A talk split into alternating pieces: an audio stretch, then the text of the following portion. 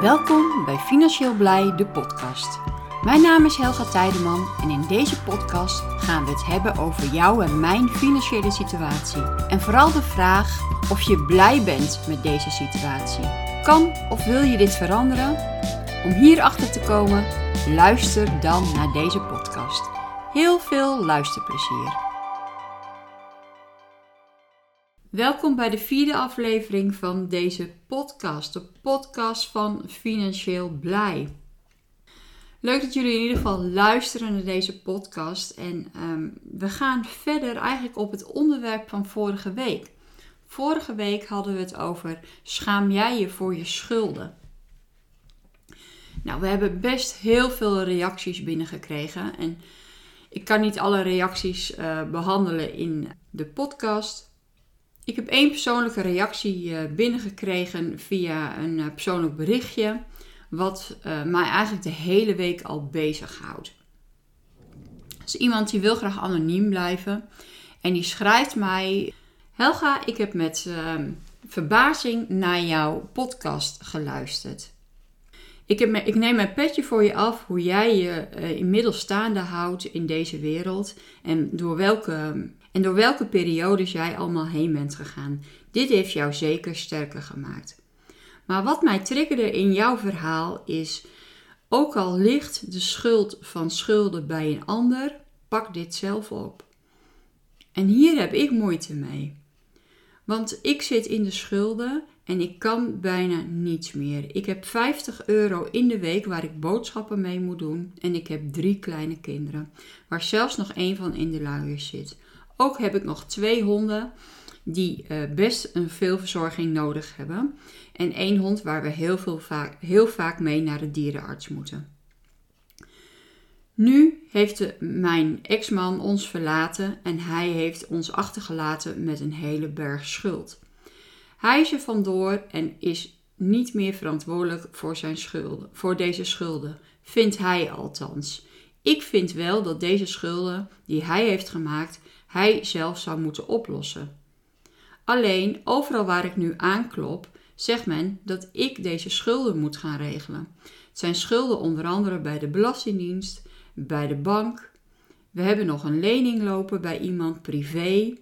En een aantal um, betalingen op, zijn op af, uh, aantal bestellingen zijn op afbetaling gedaan bij wat postorderbedrijven. Nu houdt iedereen mij verantwoordelijk voor deze schulden en dit vind ik niet eerlijk. Ik heb zelf deze schulden niet gemaakt en mijn ex-man wel. Hij gaat nu gewoon verder met zijn leven, terwijl ik hier achterblijf met drie kinderen en in schuld zit. Ik kan hier dus zelf niets aan doen, maar ik ben er dus nu wel verantwoordelijk voor, volgens jou. En hier ben ik het niet mee eens. Ik vind dat mijn, mijn ex-man zelf zijn schulden moet oplossen. Ik heb deze, dit berichtje gelezen en ik dacht, ja, en zoals zij dit beschrijft, zo zijn er tientallen andere, wat honderden, duizenden andere mensen die er ook zo over denken, maar die ook in deze situatie zitten. Zij zitten in een situatie van schuld, wat uh, door ex-partner waarschijnlijk is veroorzaakt.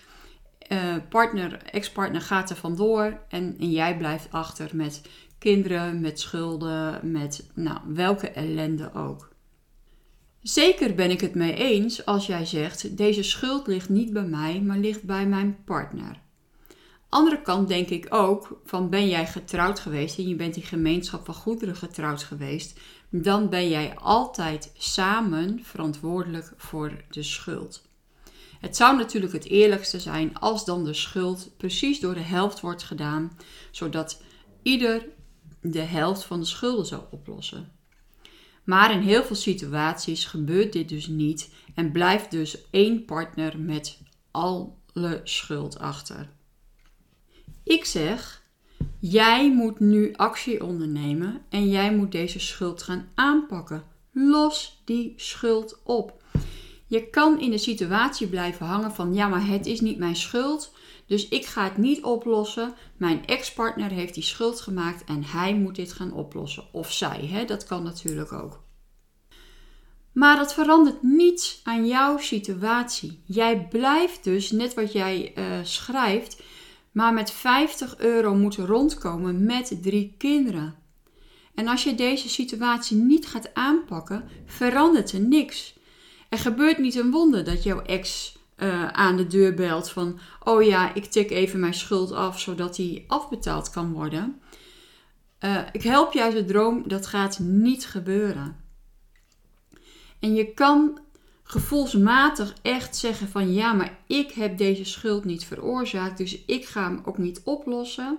Jij zit op dit moment wel in die situatie. En hoe cru het soms ook is en hoe lastig het ook is in deze situatie, ik zeg pak deze schuld aan. Zorg dat je hem oplost. Zorg dat je contact gaat leggen met schuldeisers. Zorg dat je een plan hebt om dit aan te pakken. Uh, neem iemand in de handen, het zij iemand particulier, het zij eventueel een professionele hulpverlening die je daarbij kan helpen. Maar los deze schuld af. Heb je schuld afgelost en komt dan alsnog die ex-partner weer om de hoek kijken, kan je altijd nog tegen hem zeggen: Ik heb nog zoveel goed van jou, want ik heb jouw schuld afgelost. Maar je hebt wel gewerkt aan jouw situatie, om jouw situatie beter te worden. Doe je er niets aan, verandert er ook niets aan jouw situatie. En blijf je in zo'n situatie zitten waar jij continu maar met die schuld blijft lopen. Jouw budget wordt niet groter, wordt eerder kleiner. Ehm, net wat ik vorige week zei, uh, van uh, misschien krijg je wel deurwaarders aan de deur. Ja, waar je niet meer voor open wil doen of wat dan ook. Maar werk aan jouw situatie. Heel veel reacties die gegeven zijn op, deze, op de podcast van vorige week uh, zijn ook bijvoorbeeld nu met de verhoging van de energieprijzen. Heel veel mensen kunnen nu gewoon de energierekening niet meer betalen omdat die veel te hoog is. Hè, er moet, gaat dus nu meer uit dan geld wat er binnenkomt. Heel veel mensen, en dat lees ik ook in heel veel reacties op bijvoorbeeld Facebook, zeggen: ja, de overheid moet het maar oplossen. En tuurlijk, ik ben van mening: overheid moet met een oplossing komen, want dit gaat zo op deze manier niet langer. Maar voordat de overheid met een oplossing komt, moeten wij zelf een oplossing gaan zoeken voor onze eigen situatie. Hebben wij een hoge energierekening gekregen? Moeten wij zelf gaan oplossen hoe wij dat gaan hanteren? Gaan we bezuinigen? Gaan we minder uh, stoken? Gaan wij de kachel lager zetten? Gaan wij uh, ons huis um, aanpakken en energievriendelijk maken? Um, of gaan wij een, iets bij, erbij zoeken voor extra inkomen, zodat we die factuur kunnen gaan betalen van onze energiemaatschappij? Dat ligt wel bij ons. En als uiteindelijk straks de overheid met een oplossing komt, in welke zin dan ook, dan is het alleen maar mooi meegenomen. Maar we hebben wel zelf gewerkt om onze eigen problemen zelf op te lossen.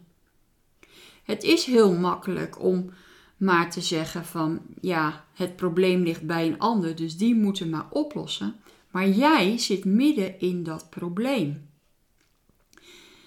En niemand anders weet hoe het voelt voor jou dat jij in dat probleem zit. De buurvrouw heeft misschien ook 100 of 200 euro bij haar energierekening opgekregen. Voor haar zou het misschien minder problematisch zijn, omdat zij iedere maand misschien een, paar honderd euro overhield van haar salaris. Jij kon misschien net rondkomen met jouw salaris. Het gaat om hetzelfde idee. De buurvrouw heeft misschien net zoveel aan verhoging gekregen op haar energierekening als jij.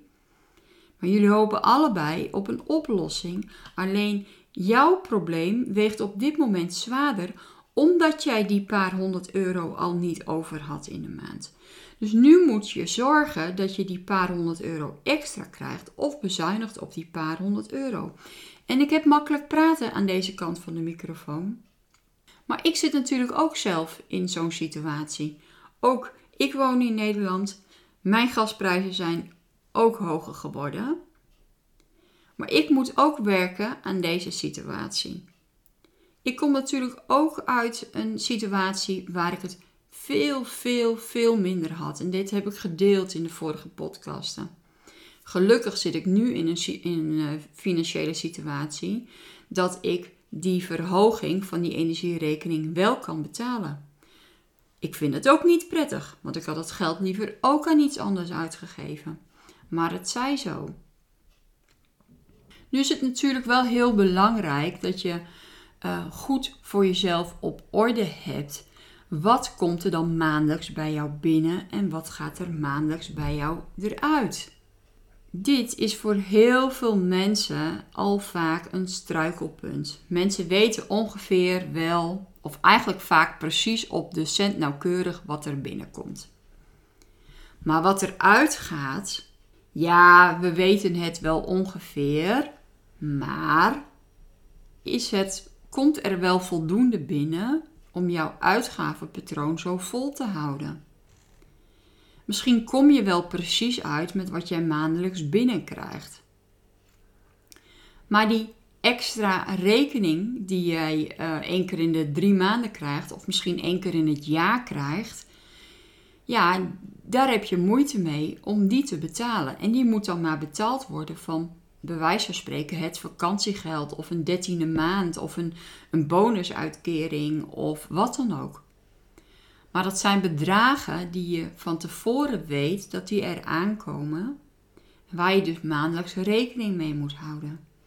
En als jij geen overzicht hebt in jouw financiën, weet je dus ook niet wat je wel en wat je niet kan uitgeven. Bij heel veel mensen komt het salaris binnen op één rekening. En als het salaris binnen is, dan gaat het grote uitgeven beginnen. En het grote uitgeven kan gaan beginnen omdat jij ziet dat er voldoende geld op jouw rekening staat. En je weet niet, je hebt niet in de gaten hoeveel je eigenlijk moet bewaren tot aan de tweede, derde, vierde week van de maand, omdat je alles op één berg binnenkrijgt. En dat is net als bijvoorbeeld een tube tandpasta. Als jij een volle tube tandpasta hebt, dan gebruik je veel meer tandpasta dan dat jouw tandpasta tube bijna leeg is. Als jouw tandpasta tube bijna leeg is en je moet er nog een week mee doen, dan ga je dat redden. Dan ga je er zuinig mee om, gebruik je kleine beetjes tandpasta, wat ook gewoon ruim voldoende is, maar je gaat er zuinig mee om. Totdat je weer een volle tube tandpasta in je handen krijgt en je gaat weer royaal tandpasta gebruiken. En dan zou je denken van, eh, ja, waarom neem je nou dat voorbeeld van tandpasta? Hè? Dat, dat slaat toch eigenlijk nergens op. Maar als jij veel op voorraad hebt, dus veel geld op voorraad hebt, ben je ook geneigd om veel geld uit te geven. Ik ben een voorstander om direct jouw geld te verdelen als dat binnenkomt.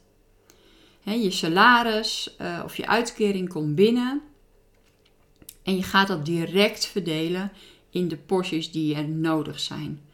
Uh, denk hierbij aan de huur, hypotheek, voor uh, je andere vaste lasten, je energieprijzen, je zorgverzekering. Maar maak ook een potje voor je boodschappen, maak een potje voor uh, onvoorziene uitgaven. Maar zeker ook een potje om te sparen of om te investeren. En heel veel mensen zeggen van ja, ik kan niet sparen. aan het eind van de maand is mijn geld op en heb ik geen geld meer over om te besparen. Om uh, te gaan sparen. Wat nou als je dat spaargeld aan het begin van de maand, dus als jouw uh, inkomen binnenkomt, direct jouw spaargeld eraf halen? Dat is er niet meer. Je haalt het van je rekening af je zet het op een spaarrekening waar je niet maar zo bij kan komen. Dat geld is uitgegeven, dat is weg. Met de rest moet je van zien rond te komen. Dus dan ga je de rest verdelen in de vakjes die er dan nog over zijn om de boel te verdelen. Dan kan jij dus sparen. En ik heb het niet over honderden euro's sparen. in de maand, al zou je maar beginnen met 1% van jouw inkomen om dat weg te leggen om te sparen. Wat is nou 1%? Stel je voor je hebt een inkomen van 1500 euro in de maand, wat niet veel is, maar je moet van 1500 euro in de maand komen. Je legt 1% daarvan weg, dat is 15 euro. Zou het je dan lukken om met 485 euro in de maand rond te komen? Nou, als jij kan rondkomen met 1500 euro in de maand, dan weet ik zeker dat het je ook gaat lukken met 1485 euro in de maand. Maar ik weet ook zeker dat als jij uh, die 1% niet aan de kant legt, dus die 15 euro niet uh, opzij legt op een spaarrekening, dat je die 15 euro aan het eind van de maand gewoon hebt uitgegeven. Dat je die dus niet over hebt. Dus als jij aan het begin van de maand zegt, nou ik kijk wel of ik die 15 euro overhoud en kan wegleggen, dan weet ik zeker dat het niet zo is. Nou, zo zijn er natuurlijk heel veel verschillende manieren om met jouw uh, maandelijkse budget om te gaan. Het belangrijkste is, weet wat er inkomt, maar nog belangrijker, weet wat er uitgaat. Nou, wij van Financieel Blij willen heel graag helpen om dit soort situaties op orde te maken. Wij gaan dat niet voor jou doen, jij moet dit zelf doen. Maar we willen je daar wel bij helpen en ondersteunen. En we hebben daarvoor een speciale week georganiseerd. De eerste week van november gaan wij ons privébudget op orde maken. Nou, dit doen wij in een besloten Facebookgroep. Iedereen die er kan daar, um, of je kan je daarvoor aanmelden en dan kan je daar lid van worden. Als je geen lid bent van deze groep, kan je ook niks zien of lezen of uh, kijken wie er lid is van die groep. Dan heb je gewoon geen toegang. Die groep is gewoon privé. In deze week gaan we jou helpen om dit budget op orde te krijgen. Om in ieder geval inzicht en inzage te krijgen in jouw inkomsten en uitgaven. We gaan je daarvoor diverse tools aanleveren zodat jij uh, een fijne hulpmiddel hebt om dit op orde te maken. Je kan je hiervoor aanmelden financieelblij.com slash financiën op orde. De link zal ook onder alle podcasten staan. Als je hiervoor aanmeldt, dan krijg je toegang tot deze besloten Facebookgroep. De eerste week van november gaan wij hiermee van start, maar vanaf vandaag kan je je hier dus al voor opgeven. Ik ben, met, ik ben heel erg benieuwd met hoeveel mensen wij ehm, aan de slag gaan om hun financiën op orde te maken. Heb je het wel op orde, maar denk je, hé, hey, misschien kan ik toch nog wel gebruik maken van diverse tools of kan ik toch nog wel even de dingen aanscherpen, even de puntjes op de i? Ben je natuurlijk ook heel erg welkom om mee te doen in deze week. Voor nu laat ik het erbij. Ik wens jullie heel veel succes als je al gaat beginnen om je privébudget op orde te maken. Heel veel succes en je kan je aanmelden financieelblij.com slash financiën-op-orde. Bedankt voor het luisteren en tot een volgende podcast. Bedankt voor het luisteren naar deze podcast. Laat even weten wat je van deze podcast vond door een reactie achter te laten. Dit kan onder andere op Instagram en je kan ons daar vinden onder financieel-blij. Waardeer je deze podcast, laat dan een positieve review achter. Wil je op de hoogte blijven van de activiteiten van Financieel Blij? Schrijf je dan in op onze nieuwsbrief. Financieelblij.com nieuwsbrief. Volg ons ook op ons YouTube kanaal Financieel Blij. Daar laat ik iedere maandagochtend en donderdagavond zien hoe je geld kan verdienen met crypto. Bedankt voor het luisteren en tot de volgende podcast.